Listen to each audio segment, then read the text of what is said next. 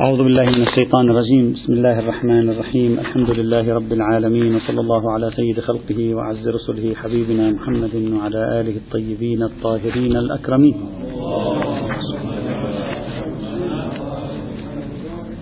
بعد أن انتهينا من السباع والمسوخ قلنا توجد بعض الحيوانات التي وقع نقاش في حرمتها بعنوانها وأدرجت تارة في المسوخ وتارة في السباع.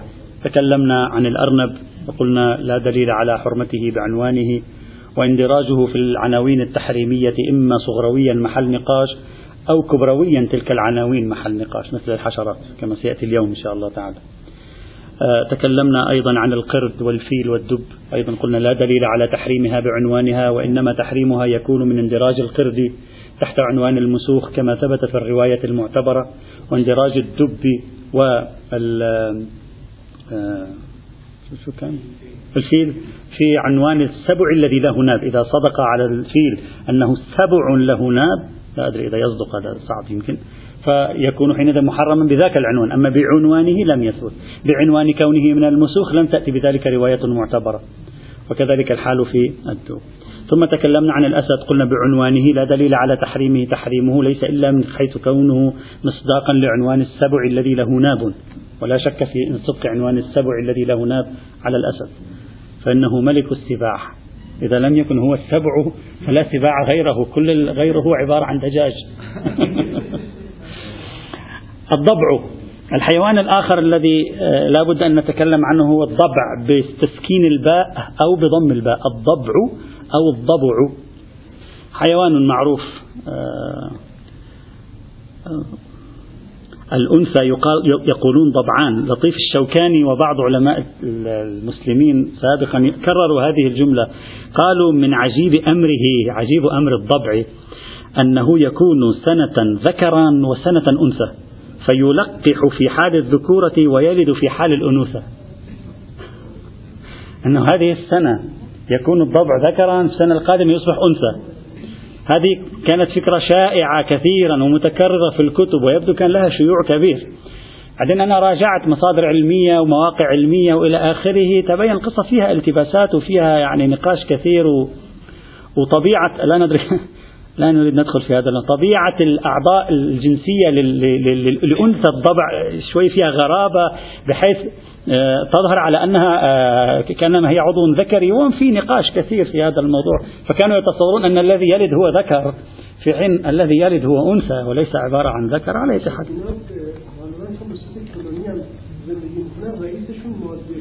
آه، نعم. وال وال وال وال والأنثى من حيث البنية الجسدية في الضباع أقوى من من الذكر. هذا معروف في الضباع. أنثى الضبع أقوى من الذكر حيث البنية الجسدية. على أي حال قالوا هو مولع بنبش القبور ولديه شهوة لأكل لحوم بني آدم فهو من نباشي القبور. هكذا يبدو قديما كان هكذا على أي حال. لا نعرف نقاشا بين علماء الإمامية في حرمة الضبع. لا يعني تقريبا يوجد أنا لا أعرف نقاشا يوجد اتفاق على حرمة الضبع. إلا أن الأمر طبعا ليس بعنوانه بالضرورة وإنما بعنوان أنه سبع. سبع له ناب. إلا أن الأمر عند أهل السنة ليس كذلك فالسنة منقسمون إلى فريقين في مسألة في موضوع الضبع. الرأي الأول قالوا بالحلية قالوا الضبع حلال وهذا الذي ذهب إليه كل من الشافعي وأحمد بن حنبل. قال الضبع حلال ليس بحرام. واستدلوا لذلك ببعض الروايات المتهالكة التي لا نحتاج إلى ذكرها. عمدتها رواية أساسية هي خبر ابن أبي عمار. قال سألت جابر بن عبد الله الأنصاري رضي الله عنه عن الضبع أصيد هو؟ فقال نعم. فقلت ربما يكون قصده أصيد هو يعني من الصيد الذي يثبت فيه الجزاء في الحج. يبدو أنه يسأل عن ذلك. فقلت أتؤكل؟ فقال نعم. فقلت سمعته من رسول الله صلى الله عليه وعلى آله وسلم. قال نعم. يعني جابر بن عبد الله الأنصاري سمع من رسول الله صلى الله عليه وعلى آله وسلم أن الضبع تؤكل. فقالوا هذا دليل الحلية. وعلى ذلك أفتى الشافعي وأحمد بن حنبل بأن الضبع حلال ولا إشكال في أكله اعتمادا على هذه الرواية التي آه، أوردها الشافعي في مسنده وأوردها ابن ماجة في سننه. أوردها الترمذي أيضا في السنن وغيرهم أيضا من العلماء والمحدثين. بل هذا الحديث علقوا عليه بأكثر من تعليق. قالوا هذا حديث حسن صحيح. قالوا من حيث الإسناد لا توجد مشكلة في هذا الحديث فينبغي النقاش آه، في صحته عندهم. ويمكنكم مراجعة تعليقة الترمذي في كتابه السنن كيف أنه قام بمقاربة الحديث من الناحية السندية وقال بأن هذا الحديث صحيح. وقالوا السباع ذات الأنياب إذا كانت محرمة لا بأس الضبع حلال. لماذا؟ لأن هذه الرواية رواية جابر بن عبد الله تخصص أو تقيد إطلاق أو عموم ما دل على حرمة السباع ذات الأنياب. فالأمر قابل للحل ولا مشكلة في ذلك عندهم. بل نقلوا عن الشافعي أنه كان يقول ما زال الناس ما زال الناس يأكلونها يأكلون الضباع. ويبيعونها بين الصفا والمروة من غير نكير وإن العرب لتستطيبه. قال أنا متعارف بيع الضبع وأكل الضبع بين الصفا والمروة يعني أمر متعارف يعني كأنما جرت عليه سيرة المسلمين أو سيرة الناس. والعرب ما كانت تستقذر لحم الضباع بحسب هذا النقل عن الشافعي لا أدري هكذا هو المنقول. وبالتالي يكون ذلك دليلا بمجموعه على حليته وإخراجه من تحت عنوان السباع. بعضهم قال لسنا بحاجة أصلا إلى هذه الرواية. نقول بحلية الضبع لأن الضبع لا دليل على تحريمه. إذ ليس من دليل على تحريم الضبع إلا اندراجه تحت عنوان السباع التي لها ناب. ولذلك قالوا أصلا الضبع ليس بسبع. لاحظوا ماذا قال الشوكاني في كتابه نيل الأوطار. قال قال ابن رسلان وقد قيل إن الضبع ليس لها ناب. أنياب ليس لها. وسمعت من يذكر أن جميع أسنانها عظم واحد كصفيحة نعل الفرس. يعني الأنياب هي التي تنتأ وتخرج من بين الأسنان لأنها أطول من الأعلى اثنين ومن الأسفل اثنين. فقال إنهم بعضهم قال إن إن يعني أسنان الضبع مثل صفيحة نعل الفرس يعني متساوية. وهذا يكشف عن أن الضبع ليس له نب. ربما يكون هؤلاء أيضا جاء في بالهم أن الضبع ليس من السبع لأن المتعارف المشهور جدا أن الضباع تعتاش كثيرا على الجيف التي تفترسها حيوانات أخرى ولذلك هي عادة ما تقصد الأماكن القذرة وحيث تكون جيفة قد قتلها أسد أو نمر فإذا شبع الأسد وذهب تأتي الضباع وتأكل ما تبقى من الجيفة. فتصوروا أن الضباع ليست بالتي تفترس وليس لها أنياب وإنما تعتاش على القاذورات والقمامات وتعتاش على فرائس سائر الحيوانات. خاصة وأنتم تعرفون أن الضباع لا تخرج بالنهار. الضباع من طريقتها أنها تخرج جماعات جماعات في الليل. وأصواتها مخيفة. أصلا معروف صوت الضبع أن أصواتها مخيفة وغريبة عجيبة تخلط بين الضحك وغيره تشبه, تشبه صوت الضحك. إذا ملاحظين صوت الضباع. فربما التبس الأمر عليهم وإلا علميا الضباع السباع قطعا. وتصنف علميا في الحيوانات المفترسة وصور أسنانها وفكها موجودة في الكتب العلمية ولها أنياب قطعا. هذا لا أدري يمكن في ضبع في مناطق الجزيرة العربية ما له أنياب ما أعرف. هذا ابن رسلان قال قد قيل لا أدري. لكن علميا حتما الضباع من الحيوانات المفترسة حتما من السباع حتما لها أنياب. بالإجمال العام لقد يكون هناك نوع من الضباع ليس كذلك؟ لا أعرف.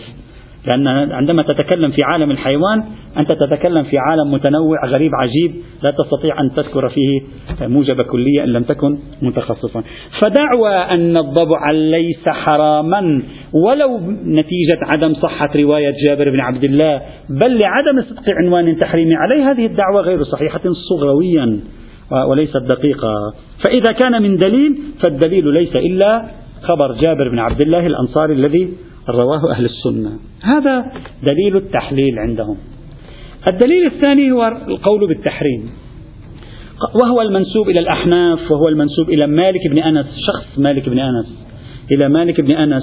بل في بعض الكتب نسب إلى الجمهور يعني كأنما هذا هو الرأي الأشهر أن الضباع محرمة. ودليلهم على ذلك شيئان. الدليل الأول اندراج الضباع تحت السباع ذات الأنياب وهذا كما قلنا رجوع إلى القاعدة ولكن هذا الدليل لا يكفي إذا صحت رواية جابر بن عبد الله. إذا كانوا يقبلون بصحة سند رواية جابر بن عبد الله فعليهم أن يقيدوا شمول حكم السباع للضبع برواية جابر بن عبد الله. هذا الدليل الأول. والدليل الثاني خبر خزيمة بن جزء أو جزي. قال سألت رسول الله صلى الله عليه وعلى آله وسلم عن أحناش الأرض ما يدخل في باطن الأرض وفي خروق الأرض. إلى أن قال قلت فالضبع. قال وهل يأكل الضبع أحد؟ هذه جملة استنكارية. يعني في أحد يأكل ضبع المستنكر رسول الله مستنكر من أكل الضباع قلت فالذئب. قال وهل يأكل الذئب أحد فيه خير؟ في واحد فيه عنده عقل فيه خير يأكل ذئب؟ ففهموا من هذه الرواية أن النبي بصدد الاستنكار الشديد لأكل الذئب وأكل الضبع وبالتالي قالوا هذه تدل على التحريم. إلا أن هذه الرواية من حيث الإسناد ضعيفة جدا حتى على مباني أهل السنة فإن فيها عبد الكريم أبا أمية وهذا تقريبا اتفقوا على ضعفه وفيها إسماعيل بن مسلم وهو ضعيف بل فيها ابن جزي أو جزء وهو رجل مجهول الحال عندهم. فضلا عن أن الثلاثة مجاهيل مهملين في كتب الإمامية. فإثبات صحة هذه الرواية سواء على معايير الصنعة الحديثية عند الإمامية أم على معايير الصنعة الحديثية عند أهل السنة غير صحيح. وعليه الضبع بعنوانه لم يثبت دليل على تحريمه. فلا دليل على تحريمه إلا أن ندرجه تحت عنوان السباع التي لها أنياب وقد قلنا بأن هاتين الصفتين السبوعية والناب متحققة في الضباع. فينبغي القول بتحريمه اعتمادا على تلك القاعدة لا بعنوانه. فإذا شخص شكك في قاعدة تحريم السباع مثل, مثل, مثل المالكية فينبغي عليهم أن يقولوا هنا بعدم وجود دليل على تحريم الضبع. ومن يؤمن بكلية تحريم السباع عليه أن يؤمن بتحريم الضبع هنا. في هذه الحال. والرواية التي حللته آحادية من الصعب العمل عليها والوثوق بها. المورد الأخير الذي وقع الكلام فيه الهر. الهر أو السناور. جمعه سنانير أو هررة.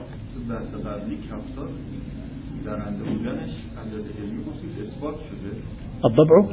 ذاك الأزهري ناقش في ذلك. ذاك قول أهل اللغة.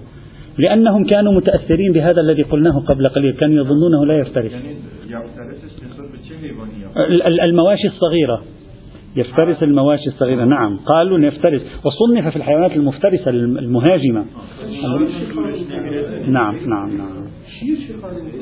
نعم. الهر وهو السناور نوعان. هر أهلي وهذا الذي يعيش بيننا. والهرر الوحشية أو ما تسمى بالهرر الكبيرة التي تعيش في الغابات والصحاري والأماكن البعيدة. الهر الأهلي والوحشي عند الإمامية يبدو لا نقاش في تحريمها. في الفقه الإمامي الهررة بأنواعها الأهلية والوحشية كلها حرام. أما في فقه أهل السنة فقد ذهبت المالكية إلى كراهة أهل الهر الوحشي والأهلي. كراهة تنزيهية ولم يفتوا بتحريمها لأن المالكية كما ذكرنا سابقا لم يقولوا بحرمة السباع تحريما قالوا بأن السباع محرمة بنحو الكراهة التنزيهية لا بنحو التحريم إذا تذكرون.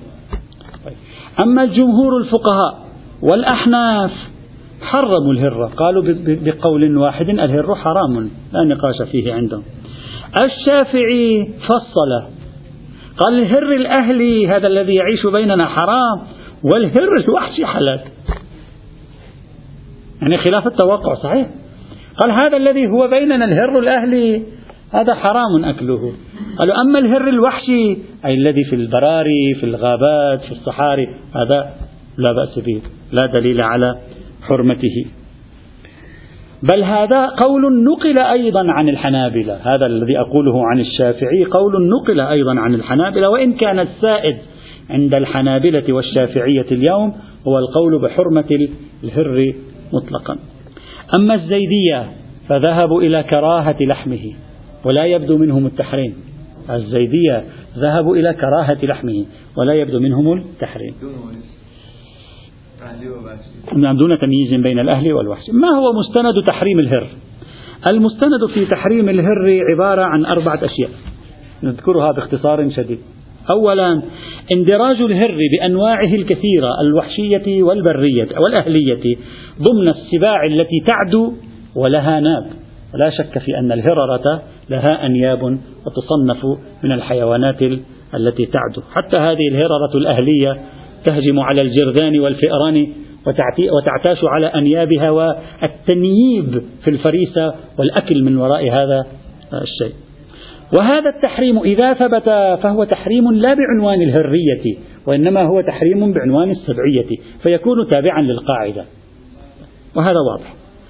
ثانيا الاستناد لما دل من الرواية عن أهل البيت صلوات الله وسلامه عليهم.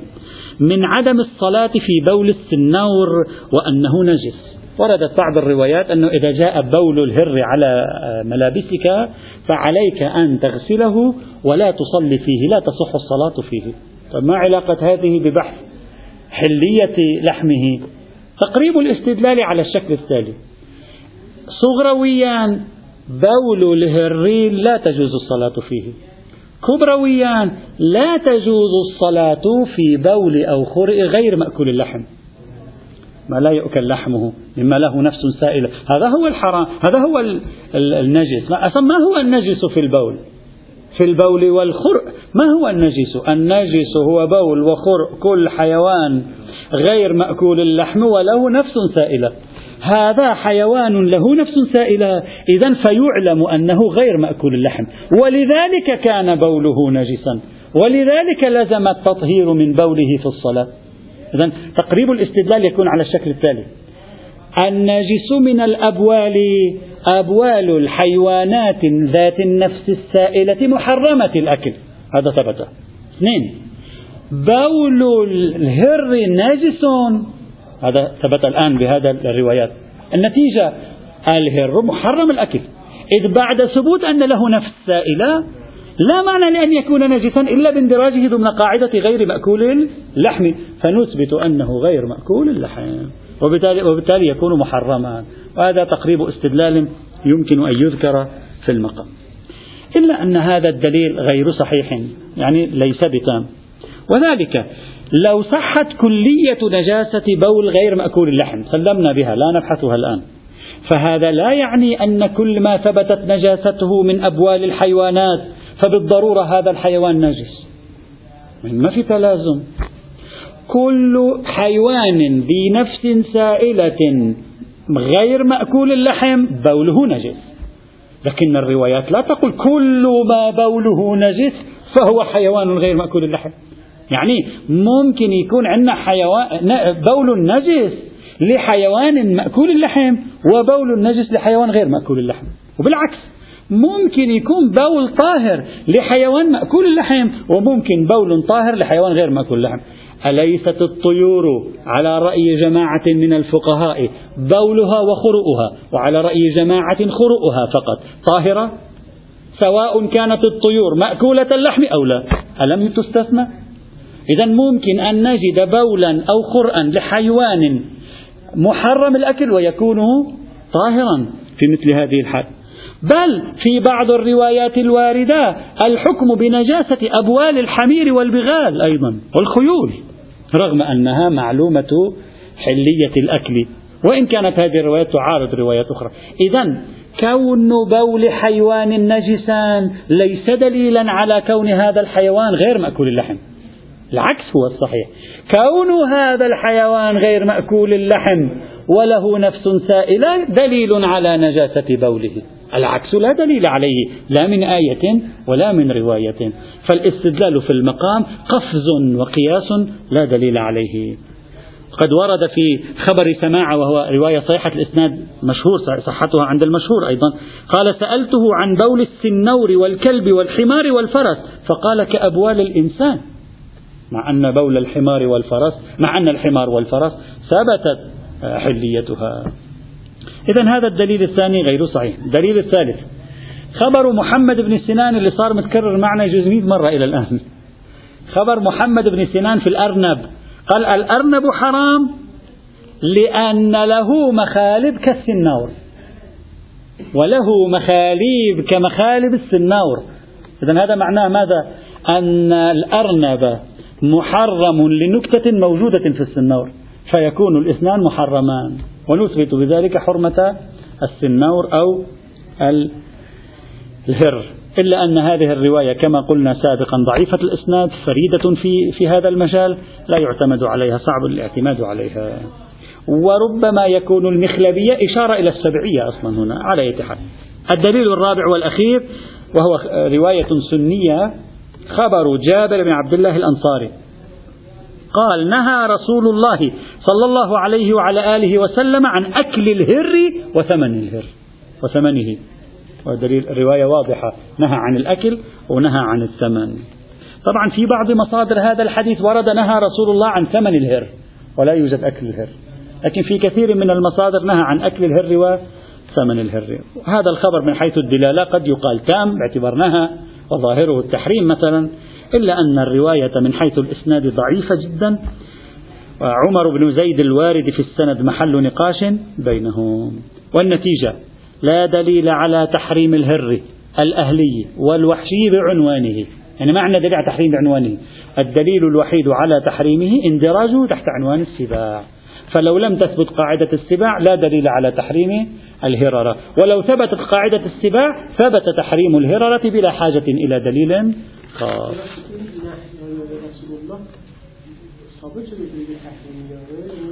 الظاهر عندما يقولون النهي إن لم تكن هناك قرينة عكسية يعني يقولون النهي مطلق. مادة النهي تدل على التحريم على مبناه نتكلم على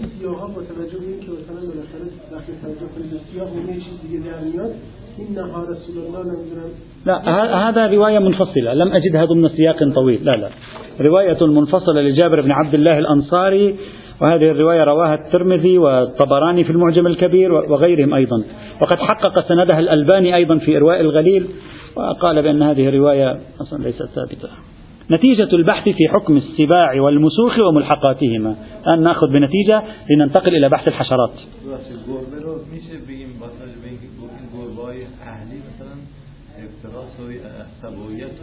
چرا؟ چرا؟ له ناب ويفترس ما هو هو لن يفترس الحيوان الذي هو أكبر منه. سيفترس ما هو أصغر منه. الموش يفترس ليس يأكل يفترس قلنا يعدو لا بمعنى يأكل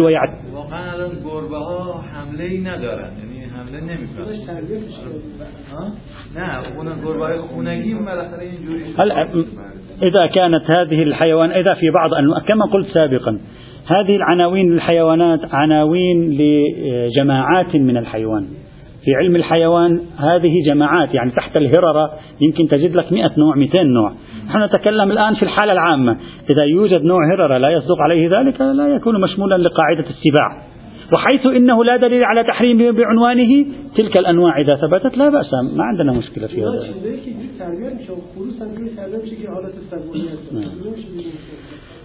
بناء على مجموع ما تقدم الشيء الذي ثبت تحريمه بصرف النظر عن بعض المناقشات هو حرمة كل حيوان مفترس يعدو على غيره وله ناب.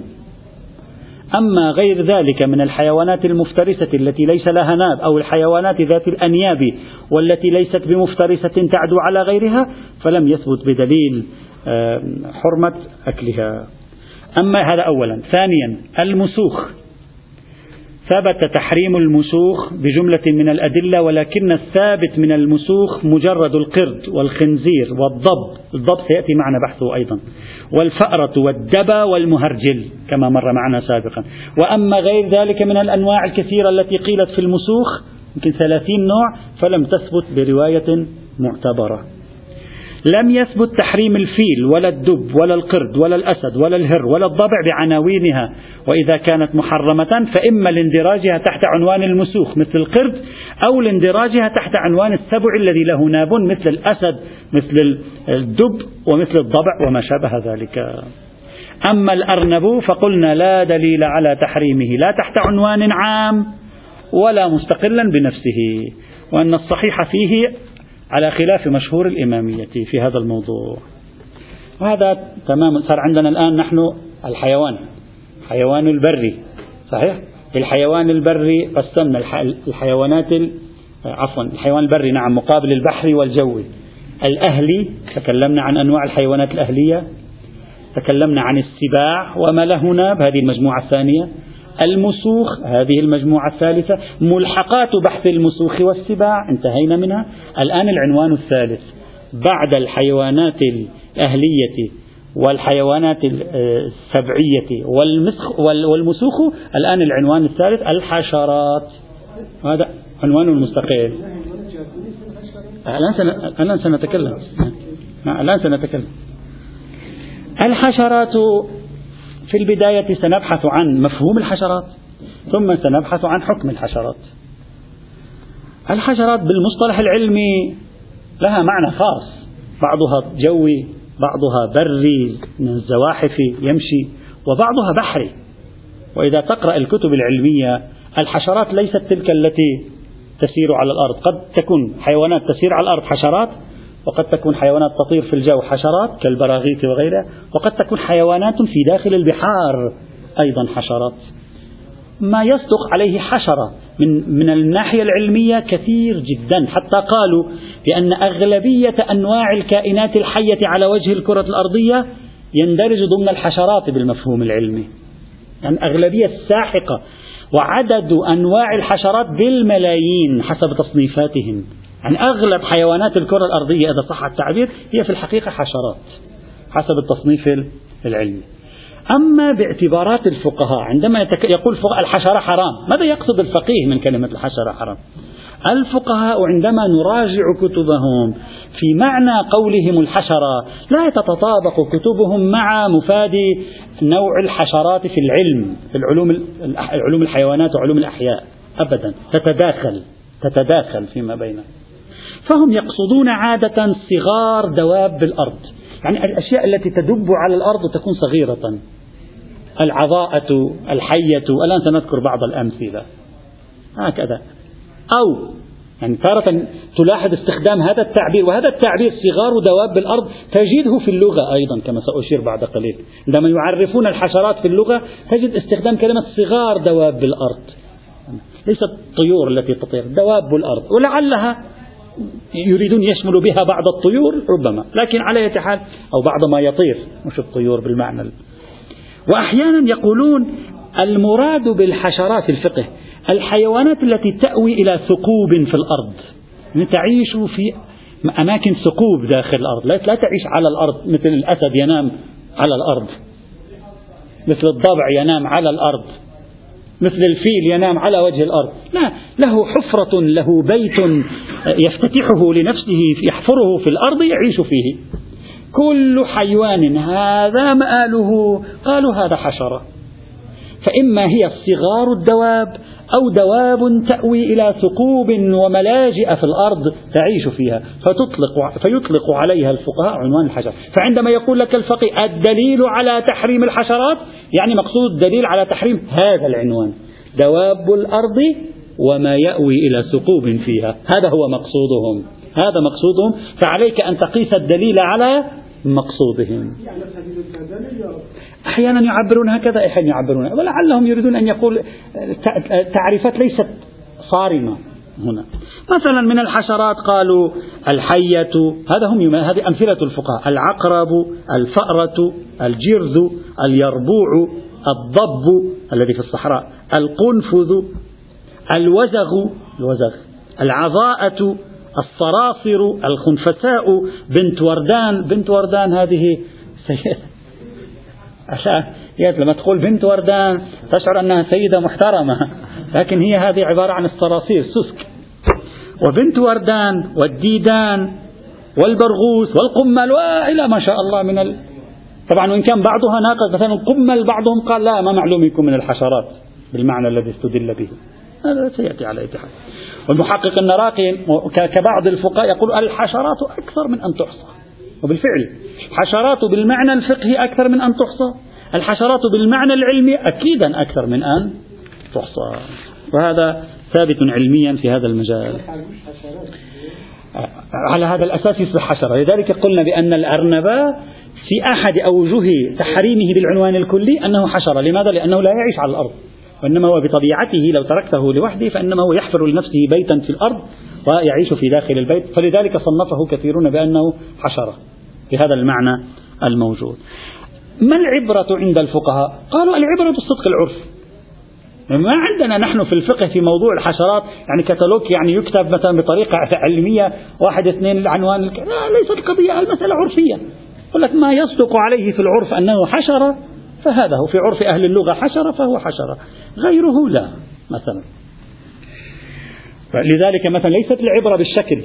يعني إذا كان حشرة صغيرة لكن صارت حجمها ضخم صارت ديناصور لا يقولون عنها حشرة الديناصور ليست قضية شكل وإنما هي صدق عرفي. هم يصرحون بهذا العنوان. وبعضهم حتى قال قال لا فرق في الحشرة بين ما يطير وما لا يطير. فلم يقتصر في الحشرة على دواب الأرض فيما هو من الزواحف أو المواشي وإنما عممها حتى لما يطير كالبراغيث لاحظتم البراغيث والقمل هذه تطير وليست تعيش في الأرض. إلا إذا كان مخبأها في الأرض شعر الإنسان مثلا. طيب. أهل اللغة عندما نراجع تعابيرهم كتب العين الصحاح ابن فارس الحشرة صغار دواب الأرض الحيوانات الصغيرة هذه التي تعيش على الأرض بهذا المعنى. هلا نحن عم نتناقش في ما معنى الحشرة في عند أهل العلم وما معنى الحشرة في اللغة وما معنى الحشرة عند الفقهاء. أصلا كلمة حشرة وردت في دليل. هي هذه المشكلة. المحقق الأردبيلي قال وأما الحشرات فما نعرف دليلا على تحريمها. غير أنها مذكورة في الكتب. فلعله إجماعي ويحتمل دعوى الخباثة في بعضها. أن المبنى خبيث يحتمل في بعضها. إذا شو القصة. لم ترد كلمة حشرة في في رواية أو آية. باستثناء ما سيأتي. سنذكر رواية الدعائم ستأتي إن شاء الله تعالى. وإلا عمدة أدلتهم على تحريم الحشرات ليس معيارية صدق كلمة الحشرة. حتى نحن نبحث. فأنت عنوان الحشرات خذه بالمعنى الفقهي الآن وانسى كلمة حشرة وادخل إلى العنوان إلى معنون العنوان. يعني هذه الحيوانات برمتها. صغار دواب الأرض صغار ما يطير في البحر في الجو في الكذا. هذا العنوان هل له دليل على تحريمه أو لا؟ هذا محل بحثنا الآن. ما هي الأدلة على تحريم الحشرات اللي هي بالملايين.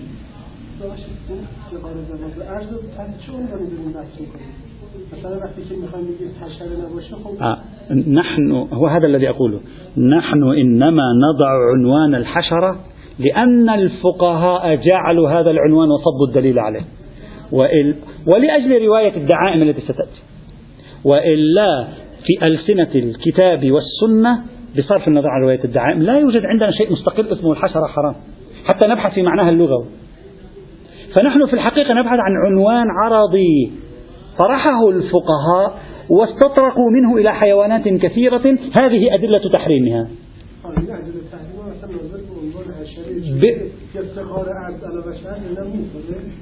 لا لا ناظر إليها شيخنا. لا لا.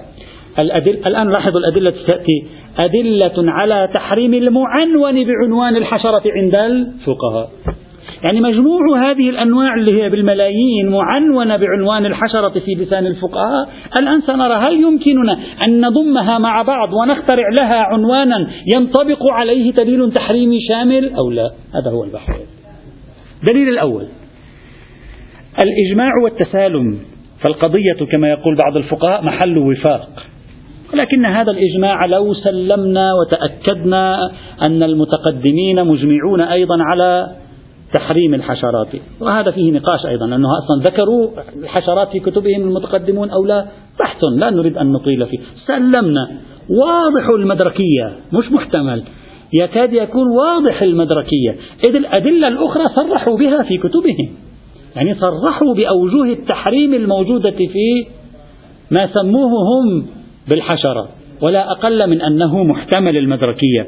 وبناء عليه لا يكون هناك حجة لهذا الإجماع إن لم يكن كاشفا عن موقف المعصوم في هذه الحال. لعل ما الذي دفعهم إلى هذا الاتفاق هي الأدلة التي سوف تأتي معنا وسنرى هل هذه الأدلة صحيحة أو ليست بصحيحة. وسيأتي أيضا تعليق آخر على موضوع الإجماع بعد قليل فانتظر. دليل الثاني. قالوا الحشرات من الخبائث. والخبائث محرمة. وهذا الدليل استدل به أو ذكره الشهيد الثاني في كتاب مسالك الأفهام ذكره صاحب جامع المدارس الخنساري ألمح إليه المحقق الأردبيلي كما رأينا قبل قليل. والجواب أولا لا يعلم الصدق عنوان الخبائث على كثير من هذه الحشرات على جملة من هذه الحشرات حتى الصغرى لا نسلم بإطلاقها. الأرنب صدق عنوان الخبيث عليه صعب جدا. متداول الأكل عند كثير من أنت لا تأكله لأنه حرام. لا تستطيبه. لا تستطيبه شيء وتستخبثه شيء آخر. لا تستطيب لأنك لم تعتد عليه شيء وتستخبثه تراه خبيثا شيء آخر. الناس تختلف فيما بينها في الاستطياب وعدم الاستطياب. لكن استطياب وعدم الاستطياب شيء والخباثة شيء. كل واحد منا لا يستطيب نوعا من الأكل منذ صغره لعامل نفسي معين لا أدري ما هو. ونوع من الأكل أصلا لا يكاد يحب أن يقترب منه. أو المرأة الحامل في بعض فترات الحمل بعض روائح الأطعمة ربما إلى أبعد الحدود لا تستطيع. لكن لا تقول هذا شيء هو بعينه من الخبائث. ولا تقول إن زيدا إذا أكل أكل من الخبائث. والذي لا يستطيب طعاما لا يقول هذا الطعام من الخبائث. يقول أنا لا أستطيبه. الأرنب لا شك ولا ريب في أنه ليس من الخبائث. كثير من الناس والشعوب يأكلون الأرنب بشكل طبيعي جدا. طيب هذا أولا. وهذا ألمح إليه المحقق الأردبيلي. قال ويحتمل الخباثة في بعضها. ما قال في جميعها. إذا صدق عنوان الخبائث على بعض هذه الحشرات غير معلوم. ثانيا سلمنا كل هذه الحشرات يصدق عليها عنوان الخبيث. وغضبنا الطرف عن مفردة الخبيث وكيف نشخص الخبيث. وذكرنا ذلك سابقا. أصلا لا دليل على قاعدة تحريم الخبائث. قد بحثنا عن هذه القاعدة بالتفصيل في الفصل الأول من فصول البحث عندما تعرضنا لقاعدة الخبائث في النص القرآني بحثنا بالتفصيل وقلنا بمقولة المقولة التي ذهب إليها الإمام الخميني من أن النصوص لا تعطي قاعدة الخبائث ولا يوجد عندنا أدلة على أن كل شيء خبيث مستخبث مستقذر فهو حرام الأكل بعنوان أنه مستخبث مستقذر. أصلا هذه القاعدة ليست ثابتة وتقدم النقاش فيها وأنها ليست صحيحة. فضلا عن عدم تحقق هذه القاعدة في صغرويا في كثير من الموارد هنا. الدليل الثالث ما ذكره غير واحد من العلماء كصاحب المسالك وغيره أيضا والسيد السبزواري في مهذب الأحكام. قالوا بعض الحشرات سموم ومضار. وقد ورد في معتبرة غياث بن إبراهيم عن أبي عبد الله عليه السلام أنه قال أنه كره أكل كل ذي حمة. كره أكل كل ذي حمة. الحمى يعني ما فيه سم السم المضر السام المضر. فإذا الحشرات فيها مضار. ما أكل ما فيه المضار حرام أكل الحشرات حرام. هكذا قال. والجواب واضح. وذلك ليست كل الحشرات فيها مضار. دعوة كبيرة جدا أن تكون كل الحشرات فيها مضر وإذا كانت بعض الحشرات فيها مضر فتكون محرمة لضررها لا تكون محرمة بعنوانها. فلو أن الطب أعطاك عقارا من العقاقير ثم قال لك كل من هذا الطعام لن يؤذيك لا يصبح حراما. نحن نبحث في عنوانية الحشرة عنوانية هذه الحيوانات بما هي صغار دواب الأرض بما هي تلجأ إلى ثقب في الأرض هل هو حرام أو لا؟ أما تعنونها بعنوان المضر لحم الغنم يصبح حراما. حينئذ. وإثبات أن حيوانات بعينها دائما مضرة هم أيضا يحتاج إلى دليل. يحتاج إلى أن الأطباء وعلماء الأحياء وعلماء النباتات والأعشاب وغيرهم يثبتون لنا أن هذا الحيوان دائما هو مضر. إذا كان كذلك لا بأس نقول هو حرام. ولكن هذا غير ما نبحث عنه هنا. الدليل الرابع. قالوا الحشرات لا تقبل التذكية. كيف يعني تذبحها؟ وتجيب البرغوث. تذبح لا تقبل التذكية. فإذا لا تقبل التذكية فإذا هي ميتة. والميتة حرام بنص الكتاب الكريم فضلا عن نص السنة الشريفة. خلاص هذا ثابت. هذا النقاش هذا الإشكال ناقشه العديد من العلماء في محله لأن قضية تزكية الحشرات موجودة منذ زمن بعيد ليس فقط في بحث الأطعمة في أمكنة أخرى من الفقه موجودة منذ قديم الأيام. والعلماء ناقشوا هذا الرأي وقالوا التزكية ما هي التزكية عندنا في الشريعة ثلاث طرق لصيرورة الحيوان حلالا لو كان في ذاته حلالا. عندنا ثلاث طرق. قررتها الشريعة لصيرورة الحيوان حلال الأكل إذا كان هو في ذاته حلال الأكل. الذبح النحر والصيد. ولا شك ولا ريب في أن بعض الحيوانات الحشرات يصدق عليها الذبح كالأرنب والضب. ولا شك ولا ريب في أن بعضها الآخر يصطاد. الصيد الصيد سهل. بالشبكة أم تصيد أيضا؟ سماحة السيد آه، الموسوي آه، شفنا فيديو معه. بعضهم يضعون آه، مثل يعني جرة أو شيء على النار. ثم يعني بطريقة أو بأخرى يصطاد كميات هائلة تغزوهم الحشرات الصغيرة فيصطاد كميات هائلة ثم يضعها على هذه الحلة ويطبخها بطريقة ثم يسووا همبرجر من من الحشرات ويقولون أن فيها نسبة البروتين والتغذية التي فيها مئات الأضعاف من الموجودة مثلا في اللحم الطبيعي. هذا صيد. صحيح هذا صيد غير متعارف لنا لكن هذا صيد. إذا ما لا يكون من ما لا يؤخذ من الحشرات بالذبح أو النحر أو الصيد. نعم هذا ميتة نقول حرام لا شك في ذلك. أما إذا كان يصدق عليه الذبح فهذا ذبح لم يعد ميتا كما قلنا سابقا. نحر نحر إذا صدق النحر على غير الجمل. صيد صيد خلاص فإذا يكون محلا فهذا الاستدلال هنا غير واضح. البتة وقد ناقشه العلماء فيما بعد وقالوا بأن الصدق عنوان التزكية على كثير من هذه الحيوانات بواحد من الثلاثة لا شك ولا ريب فيه. الدليل الخامس قالوا اندراج بعض الحشرات في المسوخ مثل الفأرة والضب والعقرب والدبى والمهرجل. قالوا هذه حشرات ومندرجة في المسوخ فتكون حرام. تلاحظوا طبيعة الأدلة. أنا أذكر جميع الأدلة. إذا استطعت جميع الأدلة أذكر. يعني أنت تحرم ملايين الأنواع من الحيوانات. نحن معتمدون الآن على هذه عمدة الأدلة هذه بل جميع الأدلة تقريبا. يعني إذا ما فاتني شيء هو هذه. هذا ليس بدليل. هذا إذا ثبت يثبت بعض الحشرات عدد خمس من أصل مليون. وإذا أثبت حرمتها لا بما هي حشرة بل بما هي مسوخ وقول بانعدام الخصوصية والتسرية لجميع الحشرات. فيها ما فيها الحق يقال. لا يمكنني من تحريم خمس حشرات بعنوان أنها مسوخ لا بعنوان أنها حشرات حرمت. أن أحرم جميع أنواع الحشرات إلى ما شاء الله منها بدليل المسوخ.